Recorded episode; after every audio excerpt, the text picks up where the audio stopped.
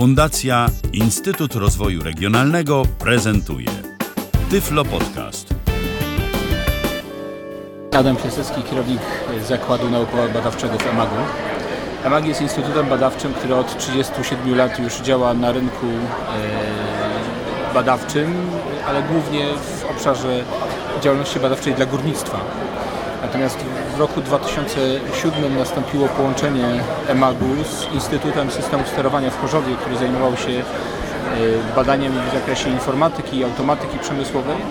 No w związku z tym w EMAG-u, tym górniczym, pojawił się nowy zakres działalności, to jest taka informatyka stosowana. Y, w ramach tej działalności y, powstał projekt, który nosił nazwę System Informacji Publicznej dla osób z dysfunkcjami narządów wzroku i słuchu Infomatne. Jako odpowiedź na to, co widzimy wokoło, czyli wzrastającą popularność kiosków informacyjnych, które można znaleźć na każdym rogu ulic naszych miast. Natomiast no, są one niedostosowane do potrzeb osób niewidzących i niesłyszących. A powiedzmy ogólnie, na razie abstrahując od potrzeb osób niepełnosprawnych wzrokowo, co to w ogóle jest kiosk informacyjny? Kiosk informacyjny jest to urządzenie, które pozwala na dostęp do informacji. Ta informacja najczęściej jest związana z miejscem, w którym ten kiosk się znajduje. Czyli to mogą być galerie, mogą to być urzędy miast, mogą to być kina, domy kultury czy innego typu miejsca publiczne. I najczęściej w takich kioskach no, znajdujemy informację, która jest też zawarta na stronie internetowej tej instytucji, którą, na temat której informację prezentuje. Czyli to jest takie, ale to jest takie stanowisko, w sensie kiosk jako, jako budka, czy jako stanowisko komputerowe? Co to znaczy? To jest takie to jest... w cudzysłowie kiosk, czy jako, czy jako dosłownie, jako wydzielone jakieś po, pomieszczenie powiedzmy? To jest urządzenie, które... Urządzenie, taki automat. Urządzenie, taki automat, który najczęściej wyposażony jest w ekran dotykowy. Często też można przy takim kiosku znaleźć klawiaturę alfanumeryczną tak naprawdę Czyli taki w, w, komputer, w cudzysłowie taki bankomat, tak w cudzysłowie. Taki bankomat, komputer zamknięty w takiej obudowie, która mogłaby się znaleźć w takim miejscu publicznym i, i była odporna na ewentualne uszkodzenia związane z, z użytkowaniem tej, tego urządzenia. I jest problem, bo się okazało, że te urządzenia nie są dostosowane dla y, osób niewidomych i słabowidzących. Tak, no w przypadku osób niewidomych jest to problem dość oczywisty, ponieważ kioski te jeśli są wyposażone w ekran dotykowy, no to trudno osobie niewidomej posługiwać się takim ekranem. Natomiast w przypadku osób niesłyszących nie jest to sprawa tak oczywista, dlatego że niewiele osób zdaje sobie sprawę z tego, że osoby, które posługują się na przykład od urodzenia językiem migowym, mają problemy z rozumieniem języka polskiego, w szczególności języka polskiego w formie pisanej. W związku z tym myśmy postanowili opracować takie rozwiązanie, które udostępniałoby informacje, które w takich kioskach są prezentowane szerokiej grupie odbiorców, tutaj nie dokonując podziałów na grupy tych odbiorców ze względu na pełnosprawność bądź niepełnosprawność. W związku z tym powstało urządzenie uniwersalne, w którym każdy z użytkowników znajdzie taki kanał komunikacji, taki sposób prezentacji informacji, który będzie dostosowany do jego potrzeb. Ponieważ w tym roku zakończyliśmy prace związane z komercjalizacją tych infomatów E. Jedno takie urządzenie jeszcze jako taki prototyp badawczy został umieszczony w Urzędzie Miasta w Katowicach. Tam od kilku miesięcy działa z powodzeniem. Taki informat był też testowany w Bibliotece Śląskiej w Katowicach, w Urzędzie Miasta w Chorzowie i w Śląskim Oddziale Pefronu w Katowicach. W tej chwili finiszujemy podpisywanie umowy licencyjnej z jednym z producentów kiosków informacyjnych, który swoje kioski będzie doposażał w nasze opracowane przez nas oprogramowanie i w pulpity, które będą dołączane do kiosków pozwalające na obsługę kiosków przez osoby niewidome. A na czym właściwie, na, na, czym polegają te adaptacje, które Państwo wdrażacie, dzięki którym osoba niewidoma może taki kiosk obsługiwać? To jest udźwiękowienie menu, nie wiem, jak to, jak to technicznie wygląda? Przede wszystkim najważniejsza rzecz to uproszczenie obsługi takiego kiosku, uproszczenie menu. Najczęściej w, w zwykłych kioskach mamy do czynienia ze stroną internetową wyświetlaną takiej ograniczonej funkcjonalnie przeglądarce internetowej. Myśmy postawili tutaj na proste menu, gdzie funkcje dostępne na ekranie są zgodne z takim układem, jaki ma na przykład klawiatura telefoniczna i taka klawiatura znajduje się na dołączonym do tego kiosku pulpicie. Jest to klawiatura taka, jaką, jaką spotkamy w telefonach. Oprócz takiej klawiatury na pulpicie e, znajduje się jeszcze klawiatura w układzie joysticka, bądź na, nazywa się też Naviki, czyli to są klawisze e, kierunkowe kursora e, oraz dwa dodatkowe klawisze owalne. I duży przycisk start, który powoduje za każdym razem powrót do kiosku do takiego stanu wyjściowego. Ponadto na pulpicie zawarta, znajduje się słuchawka, w której można usłyszeć wszystkie treści, które są prezentowane na ekranie. Wykorzystujemy do tego celu syntezator mowy Iwona. Oprócz tego w pulpicie zamontowany jest również czujnik zbliżeniowy, który wykrywając zbliżającą się do kiosku osobę powoduje e, takie e, uruchomienie takiego sygnału zachęty, wypowiedzenie takiej zachęty przez kiosk do skorzystania z niego i, i, i też informacje, że wszelkie e, informacje, które będą prezentowane w kiosku będzie można usłyszeć w słuchawce. Jeśli chodzi o osoby słabowidzące, to przede wszystkim wszystkie informacje są też dla nich y, słyszalne w słuchawce. Oprócz tego y, przy użyciu y, klawiszy możemy powiększać tekst w pętli, czyli powiększa się do pewnego poziomu i po czym znowu wraca do stanu wyjściowego. Oprócz tego możemy przy użyciu klawiszy kursora poruszać się po tym tekście. Tekst wtedy jest podświetlany, poruszamy się albo po całych zdaniach, albo po pojedynczych słowach. Te podświetlone zdania bądź słowa są też wyczytywane ponownie e, w słuchawce, w związku z czym można tekst powtórzyć, e, przeczytać czy odsłuchać w zasadzie dowolną ilość razy. Bo rozumiem, że to działa w ten sposób, że teksty tylko możemy słuchać w słuchaw e, przez słuchawki. On jakby nie ma, te infokioski nie mają głośnika, tak? Takiego Jest swoje. głośnik, natomiast żeby nie zakłócać jakby otoczenia, otoczenia mhm. a, a, także żeby zapewnić pewien poziom, nazwijmy to intymności w korzystaniu mhm. z tego urządzenia, wykorzystaliśmy takie rozwiązanie, z którymi wszyscy jesteśmy dobrze obeznani, czyli słuchawkę telefoniczną. Aha, czyli ta słuchawka jest dostępna obok, nie, nie trzeba mieć swoich słuchawek, Nie, nie trzeba mieć swojej słuchawki. Tylko wystarczy... Tak, ona jest, ona jest umieszczona na pulpicie. Yy, oprócz tego yy, kiosk ma możliwość połączenia yy, poprzez Bluetooth z telefonem komórkowym. E, po zainstalowaniu na telefonie e, aplikacji, którą również opracowaliśmy, wszystkie informacje, które są dostępne w kiosku można też e, odsłuchiwać, odczytywać na swoim własnym telefonie. Aplikacja na telefon w tej chwili istnieje dla systemu Symbian i dla systemu Android. Aha, a są też plany na iOS? Są też plany, jesteśmy w trakcie Tym bardziej, że opracowania tego wiele, wiele osób niewidomych jednak teraz mhm. używa tych iPhone'ów, używa systemu iOS, więc myślę, żeby było mm, warto. Rozumiem, że y, jakby te, to, to, o czym Pan mówi, to cała klawiatura, słuchawka, to jest jakby taka przystawka do normalnego infokiosku, tak. którą Państwo możecie w, y, zainstalować w każdym dostępnym infokiosku, czy w każdym typie, czy w większości? Jak to wygląda? Możemy to zainstalować w w znakomitej większości dostępnych na rynku kiosków. Yy, Cała modernizacja polega na dołączeniu e, pulpitu oraz zainstalowaniu oprogramowania, które zostało przez nas opracowane. Ale w tym momencie to wygląda w ten sposób, że osoba, bo tego właśnie do końca nie, jeszcze nie rozumiem, że powiedzmy jest jakiś infokiosk, Państwo yy, podpisujecie umowę, jakby dostosowujecie ten kiosk w sensie udźwiękowienia, klawiatury, wspomnianej słuchawki i wtedy jakby osoba niewidoma ma dostęp do tego same, do, do wszystkiego tego samego, co oferuje infokiosk dla osób widzących, czy to jest jednak ograniczone jakieś menu, ograniczona y, funkcjonalność? Bo tego, tego do końca nie jest to, jest to dedykowany e, system, który y, nie jest jakby nakładką na już istniejący kiosk, tylko zastępuje to oprogramowanie, które znajduje się w kiosku. Y, z, oczywiście tylko z tą klawiaturą, w sensie dla, właśnie dla, dla osób niewidomych i słabowidzących. Tak. Mhm.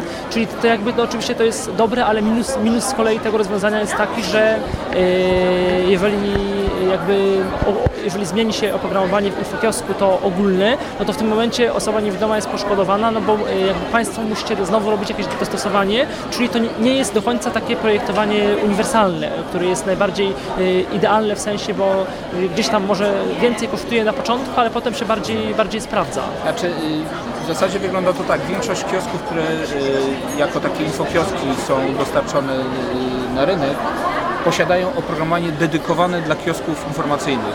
To oprogramowanie, które my oferujemy, zastępuje to oprogramowanie, czyli jeśli my wraz z tym oprogramowaniem, które, jest, które działa na kiosku, dajemy E, taki edytor, dzięki któremu można modyfikować te informacje, które są dostępne w kiosku. Także jeśli jest potrzeba dokonania jakichś zmian, przy użyciu tego edytora można tych zmian dokonać i kiosk cały czas prezentuje e, informacje. Aktualne informacje. Jakby tak nie, nie, ma takiej potrzeby, że Państwo za każdym razem muszą coś e, nie ma takiej prze, potrzeby. przeprogramowywać. Nie, nie. Jest to raz zainstalowane oprogramowanie, jest dostęp do tych bazy informacji poprzez oprogramowanie tego edytora. No i to jest ta modernizacja sprzętowa, która, która polega na dołączeniu tego pulpitu. A jaki jest koszt takiej modernizacji sprzętowej i licencji na używanie? Jak to, jak to w ogóle, jak to się kształtuje? W tej chwili to jest szacunkowy koszt, bo to zależy też od zakresu oprogramowania, który, który zamówi klient. Jest to zależne też od konieczności dokonywania adaptacji, żeby do danego typu kiosku podłączyć pulpit, ale jest to koszt mniej więcej na poziomie około 7 tysięcy złotych jednorazowy koszt i właściwie to jest koszt stały, potem już, potem już nie, trzeba aż tak tego modyfikować, tak jak Pan Sprzętowo nie trzeba tego modyfikować, to już potem są tylko modyfikacje treści, która w kioskach jest udostępniana, ale takie modyfikacje wykonuje się we wszystkich typach kiosków. Mhm. Czyli dobrze zrozumiałem, że jak na razie realnie ten infokiosk dla osób niepełnosprawnych działa tylko w Urzędzie Miasta w Katowicach. W tej chwili tak. I wiadomo jak, jaki był oddźwięk, czy dużo osób z tego korzysta, coś, coś, jakieś sygnały do Państwa dochodziły? W Katowicach ten kiosk pojawił się jakby w dwóch etapach. Pierwszy był jeszcze w trakcie trwania projektu, kiedy był opracowany system i to były dwa miesiące, w czasie którego do kiosku zostało skierowanych około 3000 zapytań. Myśmy zaimplementowali również w tym oprogramowaniu taki rejestr y, jakby działania użytkownika z tym kioskiem, w związku z czym jesteśmy w stanie uzyskać informację, ilu użytkowników z niego skorzystało, y, o jakie zagadnienia najczęściej pytano, y, na jakie zagadnienia użytkownicy nie znaleźli odpowiedzi i wtedy możemy też na tej podstawie określić potrzeby informacyjne i jakich informacji należałoby do takiego dołożyć. 3000 przez dwa miesiące, a wiadomo ile osób y, w tym czasie skorzystało z infokiosków w normalny sposób? To znaczy, to jest liczba wszystkich użytkowników. E, Aha, bez, bez, rozumiem, bez, bez, bez rozdzielania, bez rozdzielania to, czy to były osoby Aha, pełnosprawne, tak, czy tak. niepełnosprawne. A wiadomo, ile właśnie osób nie, niepełnosprawnych skorzystało z tej klawiatury, z, tego, z, tego, z, tej, z tej nowej funkcjonalności? Jakoś e, ma, mają Państwo taką wiedzę? Znaczy, w tym wiemy, czasie? że tych osób e, było co najmniej kilkanaście, dlatego że ta, ta walidacja tego rozwiązania odbywała się we współpracy ze Śląskim Oddziałem Polskiego Związku Niewidomych E, i przy współpracy z panem e, dyrektorem Kwietniem e, zadbaliśmy o to, żeby tacy użytkownicy niewidzący czy też słabowidzący się tam pojawili. Natomiast no, dokładnej liczby tych użytkowników w tej chwili nie jestem w stanie powiedzieć. Plany na przyszłość to przede wszystkim już bardziej taka intensywna komercjalizacja tego rozwiązania z, z producentem kiosków informacyjnych E, no i e, dalszy rozwój funkcjonalności, ponieważ mamy jeszcze kilka pomysłów, jak można by te e, kioski wykorzystać jeszcze lepiej jeszcze, bo tutaj padło jeszcze pytanie o to, w jaki sposób kiosk jest dostosowany już do potrzeb osób niesłyszących czy też słabo słyszących, to tutaj jeszcze jako uzupełnienie powiem, że po pierwsze uprościliśmy treści, które są w tych kioskach prezentowane, przynajmniej na tym etapie, gdzie, gdzie wdrażaliśmy to w tych instytucjach, o których mówiłem. Ale to jakby też pod, pod kątem wszystkich użytkowników. Po drugie, na ekranie kiosku znajduje się też taka wirtualna postać, która przekazuje wszystkie informacje prezentowane na ekranie, również przy użyciu języka migowego, w związku z czym użytkownicy posługujący się językiem migowym mogą w odpowiedni dla siebie sposób odbierać też informacje. Ponadto w samej słuchawce wbudowana jest jeszcze e, pętla indukcyjna, która wzmacnia działanie aparatów słuchowych. Informat E ma e, swoją stronę internetową, e, adres to www.informat-e.pl. Tam można znaleźć informacje na temat informatu, tam również po zarejestrowaniu można pobrać aplikację na telefon komórkowy. To jest mniej więcej 50 cm szerokości razem z pulpitem 50 60 cm głębokości, no i wysokość zmienna od 1,40 m do 1,90 m. Ile waży taki kiosk? Yy, około 80 kg ten egzemplarz akurat, mhm. przed którym w tej chwili Wygląda to jak tak plus minus jak bankomat, dobrze? Dobrze mówię? Jak, trochę tak. taki, tak. Taki, taki bankomat trochę i yy, na dole znajduje się taki śliski metaliczny pulpit z klawiaturą e, numeryczną, znaczy z, tak, z klawiaturą numeryczną, podobną do klawiatury bankomatowej. Na prawo od e, klawiszy numerycznych, piątka bardzo ładnie oznaczona zresztą, e, znajdują się klawisze strzałek. Góra, dół, lewo, prawo, klawisze takie podobne do klawiszy telefonu, po środku klawisz, klawisz wyboru. Nad tymi klawiszami strzałek znajdują się dwa klawisze, które służą do wywoływania pomocy oraz zmiany parametrów takich jak język kiosku. Z lewej strony klawiatury numerycznej znajduje się przycisk, okrągły, duży przycisk Start, który nas przenosi do menu głównego oraz e, na kablu, tak jak w starych telefonach, słuchawka e, telefoniczna, e, w której słyszymy to, co, po której podniesieniu słyszymy komunikaty, które do nas mówi lektor, w tym wypadku Iwona. Niestety, jak się okazało, mowy nie można przyspieszyć, ale jest to planowane. Zapytam jeszcze, czy można, bo słuchawka słuchawką, ale czy można na przykład, czy jest wejście słuchawkowe i swoje słuchawki można podłączyć. Czy to nie zostało e, przewidziane? Nie ma w tym modelu takiego rozwiązania, natomiast to nie jest rozwiązanie. Jeśli klient złożyłby takie zamówienie, to, to jest takie rozwiązanie, które można by w kiosku umieścić. Dzięki klawiaturze numerycznej oraz dzięki tym klawiszom strzałek możemy obsługiwać kiosk. No jest to taka obsługa raczej mało dynamiczna, trzeba tych wszystkich komunikatów mniej lub bardziej wysłuchać. Trochę tak jak w automatach telefonicznych, w autoserwisach e, jakichś e, bankowych albo w automatycznych biurach obsługi klienta. Nad tą klawiaturą i nad tym całym pulpitem jest monitor, tak? Y, to jest tak. monitor. Monitor ilocalowy? To jest monitor 17-calowy y, w tym aha, modelu. Taki, aha, taki, taki ten, taki duży, gruby jeszcze, jakby taki. Y, aha, i na tym monitorze rozumiem są wyświetlane wszystkie te informacje, które, które, które, które słyszymy. Tak, na ekranie znajdują się takie duże przyciski, które mają układ e, zgodny z klawiszami e, tej klawiatury telefonicznej. Ale to nie jest ekran dotykowy. To jest ekran dotykowy. Aha, aha, to jest, aha czyli również osoba słabowidząca może tak jak trochę jak tablet internetowy obsługiwać. Tak. Aha. I tutaj w przeciwieństwie do typowych kiosków, gdzie mamy stronę internetową wyświetlaną i są małe teksty, odnośniki mają postać no, też taką drobnych tekstów, które trudno trafić palcem palcem. My stosujemy duże przyciski widoczne y, odpowiednio dobranym y, kontraście tutaj y, w taki sposób, żeby no jak najszerszą grupę użytkowników słabowidzących tutaj za, zaspokoić. A w jaki sposób, dobrze rozumiem, ten kiosk już mam obraz, jak on, jak on wygląda, mhm. ale a jak ten kiosk jest powiązany z tym normalnym kioskiem, takim, który obsługują osoby pełnosprawne? To znaczy tak, do tego kiosku jest y, zamontowany na adapterze y, ten nasz pulpit, który był opisany wcześniej, y, a oprócz tego jest zainstalowane oprogramowanie, to, które jest wyświetlane i na ekranie, i to, które y, jednocześnie obsługuje też y, pulpit. Bo rozumiem, że normalnie taki kiosk to jest po prostu tu ten ekran bez tego dołu, bez klawiatury, tak? Po tak, prostu. to znaczy są, są kioski, które mają klawiatury, ale to najczęściej wtedy, kiedy e, chcemy udostępnić użytkownikom na przykład funkcjonalność w postaci wysłania maili czy pisania SMS-ów, y, myśmy podeszli do tego, że y, w taki sposób, że mamy zdefiniowane menu, y, informacje, które chcemy prezentować, podzielone na kategorie, na grupy i po tych kategoriach, grupach się poruszamy. W związku z czym mamy klawiaturę w takim układzie, jaki został opisany, uproszczoną, a nie jest to pełna klawiatura alfanumeryczna. E, oprócz tego, że możemy korzystać e, z kiosku informacyjnego, z tym naszym pulpitem, to informacje, które e, zawarte są w bazie danych naszego systemu, mogą być też prezentowane poprzez komunikator internetowy, na przykład taki jak Gadu Gadu. W związku z czym mogą być uzyskiwane poprzez, z użyciem komputera osobistego albo telefonu z odpowiednim oprogramowaniem komunikatora. E, informacje mogą być też prezentowane w dość popularnej formie e, takiego wirtualnego konsultanta, z którym można rozmawiać, e, zadając mu pytania, tak jakbyśmy rozmawiali z żywą osobą.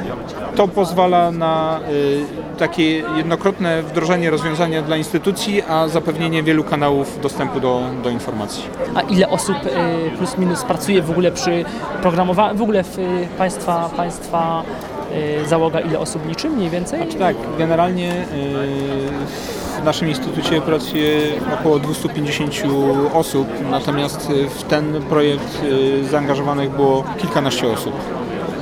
Każda z nich no, wykorzystywała swoje umiejętności, kompetencje tak, żeby te różne obszary, w ramach których działaliśmy, e, jakby zapewnić. Natomiast e, współpracowaliśmy tutaj też z Politechniką Śląską w Gliwicach, szczególnie w zakresie tego modułu języka migowego, który tutaj wspiera osoby niesłyszące. Tyflo Podcast. Dzień dobry, Jacek Blumenfeld, Instytut Elektroniki Politechniki Łódzkiej. Tutaj przedstawiamy system um, nawigacji dla osób niewidomych i słabowidzących oraz system e, informacji pasażerskiej komunikacji miejskiej. System składa się z trzech elementów.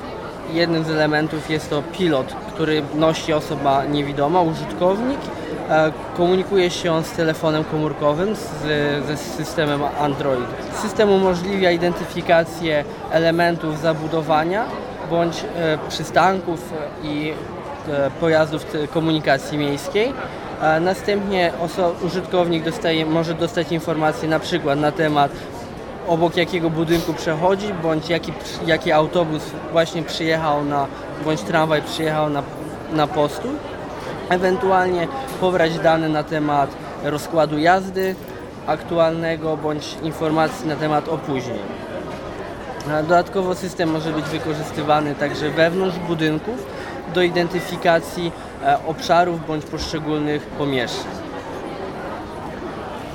To tak z grubsza czy gdzieś ten system realnie już jest wdrożony, czy to jest tylko na razie jakiś prototyp? Aktualnie rozwijamy jeszcze go, on jest nadal e, w fazie badań. W najbliższych tygodniach będziemy testowali ten system na łódzkich przystankach tramwajowych. E, ale aktualnie nie jest jeszcze on w pełni wdrożony, na razie jest w fazie testów. To jest Tyflo Podcast. Dzień dobry, nazywam się Kamil Kowalczyk, reprezentuję firmę Tyflocom z Radomia. Nasza firma od 4 lat zajmuje się szkoleniami tyfloinformatycznymi. W zasadzie od 4 lat jesteśmy obecni na rynku tyfloinformatycznym w Polsce. Naszą ofertę dedykujemy zarówno y, użytkownikom, które stawiają pierwsze kroki w dziedzinie obsługi komputera, jak i tym, którzy chcieliby zgłębiać nabytą wiedzę z tej obsługi. Od ostatniego naszego wywiadu wprowadziliśmy kilka nowinek do, co do szkoleń. Pamiętam w tamtym roku rozmawialiśmy o, o kwestii Maców, Y, pragnę poinformować, że w tym roku, tak, przez, przez ten rok y, przepracowaliśmy te rozwiązania, y, mamy je już opanowane i generalnie mm, z racji na to, że Apple zwiększa swój udział w rynku tyfloinformatycznym, zapraszamy na szkolenia z tej dziedziny, z racji nawet na to, że w programach Aktywny Samorząd coraz więcej dofinansowań opiera się właśnie na, na tej korporacji, tak? na tej platformie sprzętowej. Warte podkreślenia jest właśnie kompleksowość tej alternatywy, tych rozwiązań, tak, które są dostępne na rynku. Z racji na to, że zainteresowaliśmy się tym z tego względu, ponieważ um, uważamy, że te rozwiązania mają dużą przyszłość. Poza tym, um, z racji na to, że są implementowane razem z systemem operacyjnym, jakby współdziałają w symbiozie. Na dzień dzisiejszy mm, widzimy kilka niuansów, które należałoby dopracować, ale uważamy, że y, dostępność tej, tej platformy dla osób niewidomych jest wystarczająca, jeżeli chodzi o y, o takie potrzeby stricte podstawowe i zaawansowane. Mimo tego, że to rozwiązanie uznajemy za dosyć interesujące, ono rządzi się swoimi prawidłami, tak? I generalnie mm, tutaj użytkownicy, którzy chcieliby mm, dotknąć tego tematu na żywo, no muszą się liczyć, że wymaga to mm, przepracowania pewnych, stan, pewnych metod pracy, y, zmiany przyzwyczajeń. Stąd też nasza oferta, która wychodzi do, do tych użytkowników. Tak? Również przez ten rok w naszej ofercie pojawiły się y, szkolenia z zakresu nawigacji y, GPS. One w tamtym roku dopiero wkraczały małymi kroczkami Y, gdzieś tam próbowaliśmy mm, te szkolenia rozpowszechniać. Natomiast w tym roku już kilkanaście, kilkunastu zadowolonych klientów od nas wyszło. Mamy przepracowany mm, generalnie program wraz ze szkoleniem praktycznym. Te szkolenia opieramy na, na przede wszystkim na pracy zarówno z osobą, która chce przemieszczać się w przestrzeni publicznej, natomiast nieodzownym jest mm, praca z, bądź z orientantem przestrzennym, bądź z opiekunem. I te szkolenia mają powiedzmy wspomóc osobę, pomóc jej y, nabyć umiejętności y, poprzez moduły elektroniczne przemieszczania się w przestrzeni tak, publicznej. Korzystając z okazji, y, z tego, że jestem obecny na REKA i że ten przekaz dotrze również do moich współpracowników, pragnę podziękować mojej całej załodze za wkład i trud, który, który wkładają e, w naszą pracę i w efekt tej pracy. Tak? Jestem zaszczycony, że mam, miałem i mam przyjemność współpracować z tak ambitną załogą. Również tutaj mm, ukłon w kierunku pracowników Instytutu Edukacji i Rozwoju, z którymi również realizujemy wspólne projekty, wspólne przedsięwzięcia, które wymagają wsparcia merytorycznego, wzajemnego. Dziękuję. Igor Busłowicz, firma Altix. Że ten nowy Perkins Smart Brailler się nazywa. To jest taka maszyna ele elektroniczna już nawet, tak bym powiedział. Można jej nie włączać i się zachowuje jak zwykły mechaniczny Perkins. A jak włączymy, to włącza się, yy, uaktywnia się moduł elektroniczny, który zawiera ekran yy, czterocalowy, kolorowy i mowę syntetyczną, głosem Ani mówi po polsku i ma tam pewną liczbę przycisków. I teraz na przykład wchodzimy do menu powitalnego, w którym możemy yy, na przykład no, wejść jako gość, albo stworzyć nowego użytkownika lub się tam zalogować jako już istniejący i mieć dostęp do swoich, do swoich plików, yy, które, tam na, napisaliśmy. No jak, jak na przykład wejdziemy jako gość, bo, tak, bo na razie tak to ćwiczyłem, no to wchodzimy do trybu pisania i widać na ekranie kawałek, no tak pewnie sześć znaków brajlowskich z, bieżącej linijki i są pokazywane mm, i w brajlu brajlowskimi punktami, tak narysowanymi yy, i litery takie jak takie czarnodrukowe dla widzących. Lub też można się przełączyć na, na taki większy na tryb większych liter, cztery, cztery literki naraz yy, dużymi literami widać. No i piszemy, w miarę jak piszemy, to Ania mówi, jaką, jaką literę napisaliśmy. A to jest, to jest bardzo re responsywne, czy jakoś z opóźnieniem? Jak to, nie, jak to... to dość, dość dobrze to jest. A głośna, głośna maszyna, w ogóle głośny ten Perkins jest, tak w pisaniu? Samo pisanie jest chyba tak jak na, na, na tych Perkinsach nowej generacji, a głośność można e, zgłośniać, zgłośnić, ściszyć albo e, na słuchawki można przejść. No i, yy, i widać ten kawałek tekstu napisanego, widać jak karetka przechodzi po tej linijce i, i cała linijka tekstu jest też jeszcze tak jakby małymi literami czarnodrukowymi yy, pokazana w całości. I teraz w miarę jak piszemy, w miarę jak przesuwamy ręcznie yy, wózek w lewo, w prawo, to, to, to, to moduł yy, ten smart reaguje i, i, i się stosownie zmienia zawartość ekranu. Jak wysuwamy linijkę, przechodzimy do nowego wiersza, to też widać, że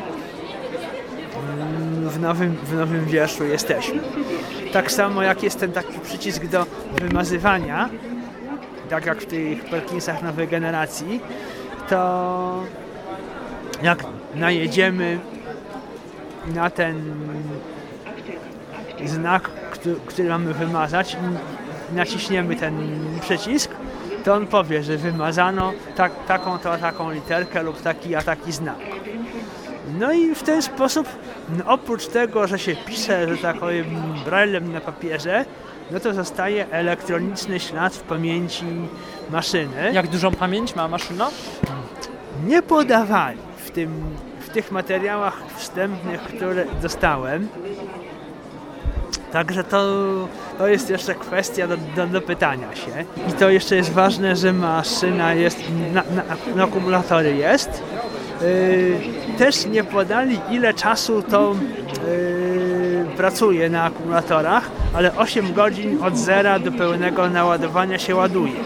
Więc wyobrażam sobie, że po prostu wrócimy do domu yy, po pracy, czy po, no, powiedzmy bardziej po szkole, yy, odrobimy lekcję i można sobie naładować tą maszynę na następny dzień. Jest we- yy, port USB, do którego można wetknąć mm, pendrive'a i zapisać sobie e, ten plik na pendrive.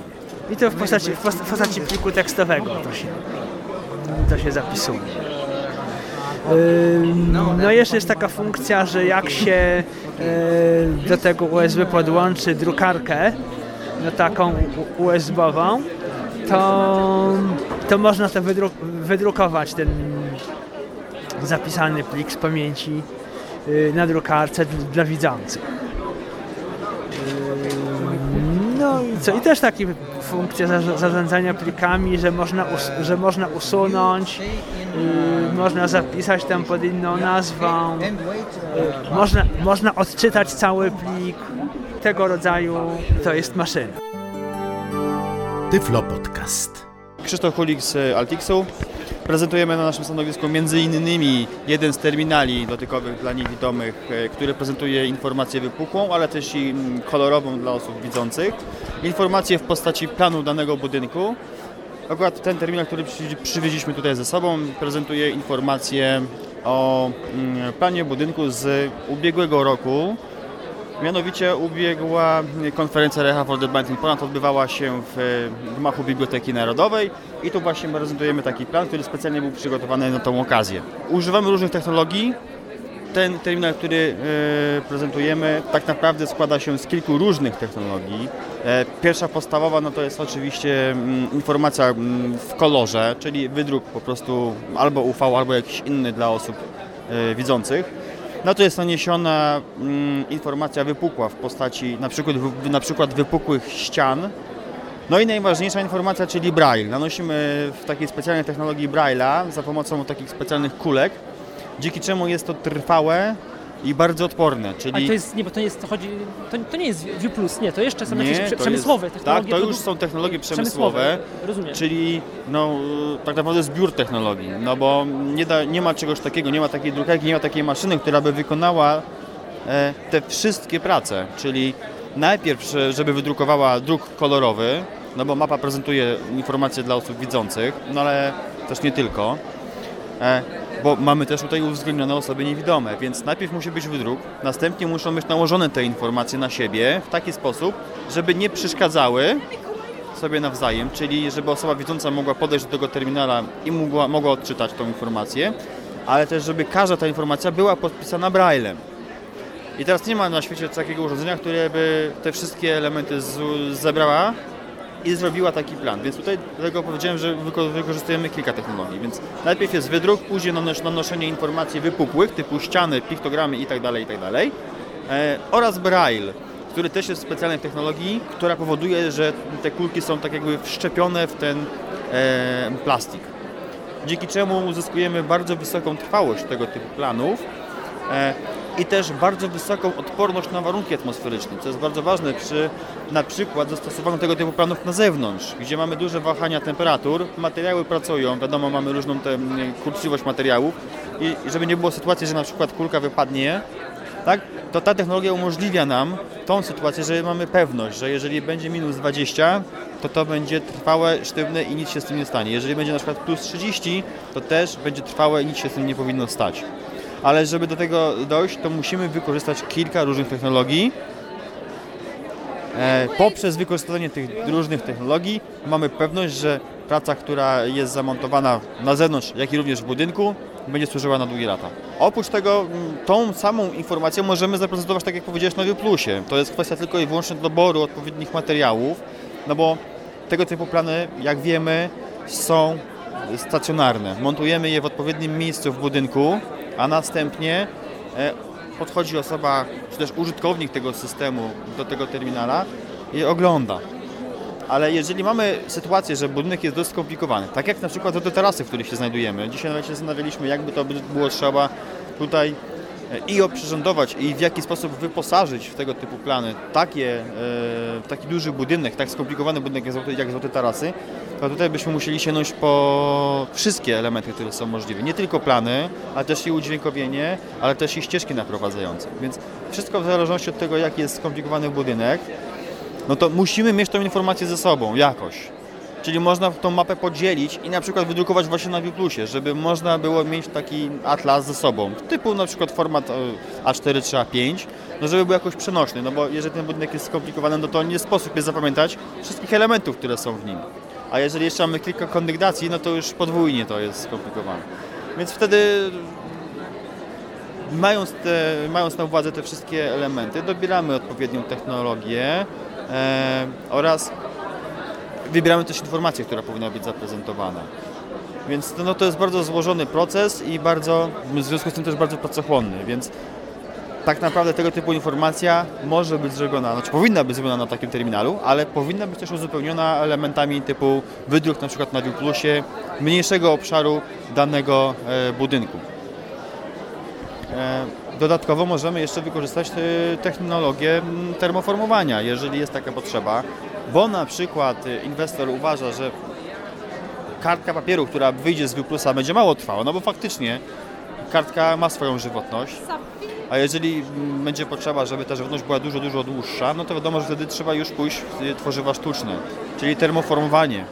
Wtedy można tą samą informację wytermoformować i tak samo zrobić jakiś atlas formatu A5, A4 na folii, zbindowany, też żeby mógł być przenoszony. No i teraz mamy taką sytuację, że na przykład osoba niewidoma wchodzi do budynku, jest terminal, zapoznaje się z e, tym terminalem, mniej więcej zapamiętuje, znaczy powinna zapamiętać tą informację, e, którą potrzebuje. Czyli jeżeli wchodzę do budynku i chcę iść na przykład na piętro pierwsze do pokoju 105, no to powinienem zdobyć tą informację jak, co mam zrobić, żeby tam się dostać. Ale w związku z tym, że terminal jest stacjonarny, przymocowany do ściany albo do podłoża, to warto też, żeby taki urząd miał właśnie taki atlas z podzielonymi na przykład elementami danego budynku, E, i żeby ta osoba mogła cały czas mieć tą informację ze sobą. No terminala nie ściągnie i nie weźmie ze sobą, to jest w ogóle nierealne. Ale uzupełnienie tej informacji, którą niesie terminal właśnie takimi wydrukami, na Wiplusie chociażby czy termoformowanie, jest jak najbardziej wskazane i każdy urząd powinien coś takiego posiadać. To jest Tyflo Podcast. Pierwszy polski podcast dla niewidomych i słabowidzących. Y, na Recha rozmawiamy też z uczestnikami. Jest z nami Mikołaj Rotnicki, który, który wczoraj mm, otrzymał nagrodę Idola. Gratuluję. Dziękuję bardzo. E, do, o Idolu jeszcze myślę chwilkę porozmawiamy, natomiast e, chciałem zapytać o wrażenia z tegorocznej konferencji Recha. Co udało się e, Tobie zobaczyć? sumie dopiero dzisiaj w drugim dniu znalazłem tak więcej czasu na przyjrzenie się wystawie, bo ten pierwszy dzień był, mówię, trochę ten idol i, i, i towarzyszące temu e, też imprezy związane tam z projekcjami, z audiodeskrypcją. No, dużo się dzieje na konferencji. Dopiero dzisiaj miałem czas, czas e, w tym drugim dniu się przyjrzeć e, dostępnym rozwiązaniom proponowanym tutaj przez e, różne, różne rozmaite firmy i instytucje, trochę porozmawiać.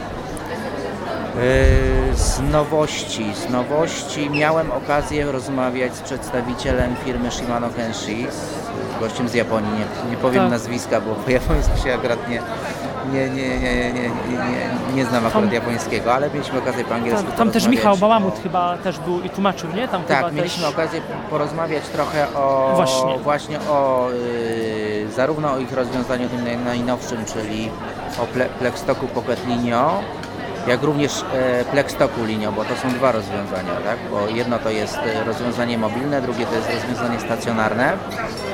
E, nowością no, mówię, w porównaniu z, z, z Plexstokiem Pocket, nazwijmy to zwykłym, jest to, że jest e, wbudowane e, możliwość e,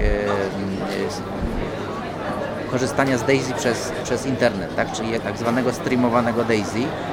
Jest to w sumie standard, który był, został opracowany już chyba z 3 lata temu przez konsorcjum Daisy, natomiast to jest jedno z pierwszych rozwiązań, które y, oprócz oczywiście Plexstoka, chyba któryś z poprzednich Plex- Plexstoków, o ile dobrze nie wiem, Michał skoryguj mnie, ale któryś z poprzednich Plexstoków stacjonarnych miał jakąś tam namiastkę tego streamowanego Daisy, to było to eksperymentalnie. Natomiast teraz jest to tutaj wdrożone już jakby w pełni, natomiast jeżeli chodzi w ogóle o streamowane Daisy, no to wiadomo, że to jest kwestia dwustronna. Tak? My mamy urządzenie, które może to y, Daisy w czasie rzeczywistym przez internet nam odtwarzać, no ale z drugiej strony musimy mieć usługodawcę, który takie, takie streamowane Daisy nam e, udostępnia, tak? Czyli to musi być po drugiej stronie wdrożona usługa, na przykład w bibliotece, która oferuje nam publikacje w formie Daisy i możemy za pomocą tego urządzenia je pobierać. Zapytałem tego przedstawiciela o taką rzecz, e, jak to w ogóle wygląda z dostępem do, na świecie w tej chwili z tym, z tym streamowanym Daisy. On dał mi przykład akurat tutaj naj, najbliższy jemu, czyli Japonii, gdzie tutaj e, to Daisy jest, e, jest najbardziej wdrożone, to streamowane. Ja się zapytałem w ogóle, jak wygląda ta filozofia, tak? Czy to użytkownik musi mieć, wiadomo, konto ma w bibliotece. Z samego urządzenia następuje się okazuje logowanie do systemu i to urządzenie jest widziane i jesteśmy autoryzowani, czyli jakby po stronie y, tym kontem, tym loginem jesteśmy autoryzowani, jak również samo nasze urządzenie się autoryzuje w systemie. I co ciekawe, z samego urządzenia, y, przynajmniej w zależności oczywiście od, y, od danej biblioteki, ale właśnie podobno protokół streamowanego DAISY pozwala również na przeszukiwanie zasobów, tak? Czyli z samego urządzenia my możemy bezpośrednio za pomocą klawiatury tej numerycznej wpisać sobie, wpisać sobie całą nazwę poszukiwanej książki czy autora i on automatycznie online nam to po pierwsze znajdzie, po drugie może streamować w czasie rzeczywistym, ale mamy też również możliwość, o ile y, pozwala na to biblioteka, na zapisanie tego na urządzeniu.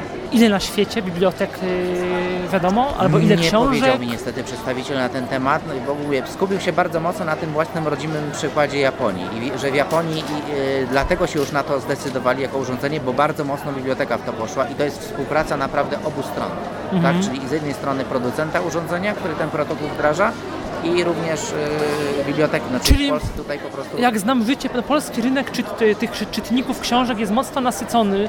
Wątpię, żeby z racji i środków infrastruktury technicznej i finansowej Biblioteki Centralnej PZN-u no, i mi jest, mi jest trudno tutaj chyba, jakiś- żeby z Unii jakoś, Mi jest jakoś tutaj to... trudno jakiś sąd. Oczywiście, e, możemy na ten tylko temat gdybać. Powiedzieć. Możemy tylko gdybać, natomiast technicznie nie ma przeszkód, tak? Mhm. Technicznie zawsze technologia idzie do przodu, y, technologię już ma, możemy na dzień dzisiejszy wdrożyć, tak? Tylko to jest niestety wola jego decydentów, tak? Czy to, czy to z, y, z biblioteki w przypadku centralnej PZN, no bo to jest jednak największa biblioteka cyfrowa, y, przynajmniej skierowana z publikacjami w Daisy w Polsce, tak? No jedyna w zasadzie, w jedyna ogóle dla, dla tak. niewidomych jako taka, no jedyna, jedyna. Tak. I to, mówię, to jest kwestia dobrej woli do mówienia się, bo standard jest, tak? Mhm. Standard jest. Ja miałem też okazję, mówię, yy, bo już też od yy, dłuższego czasu też się mówi, że standard Daisy, no yy, jakby jego rozwój będzie jest jakby jest zastępowany rozwojem standardu EPA, który de facto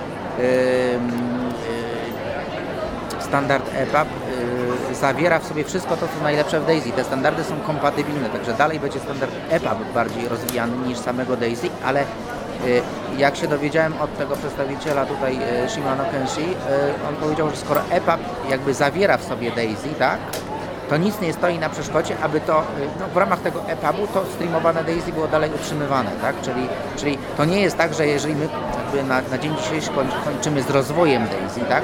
I, i dalszy jego rozwój y, prowadzimy w ramach EPUB-a, to nie znaczy, że, że już technologia w postaci y, streamowanego Daisy nam tutaj y, jakoś zginie. To nadal będzie obecne w, w EPUB-ie trójce też, jakby zawarte.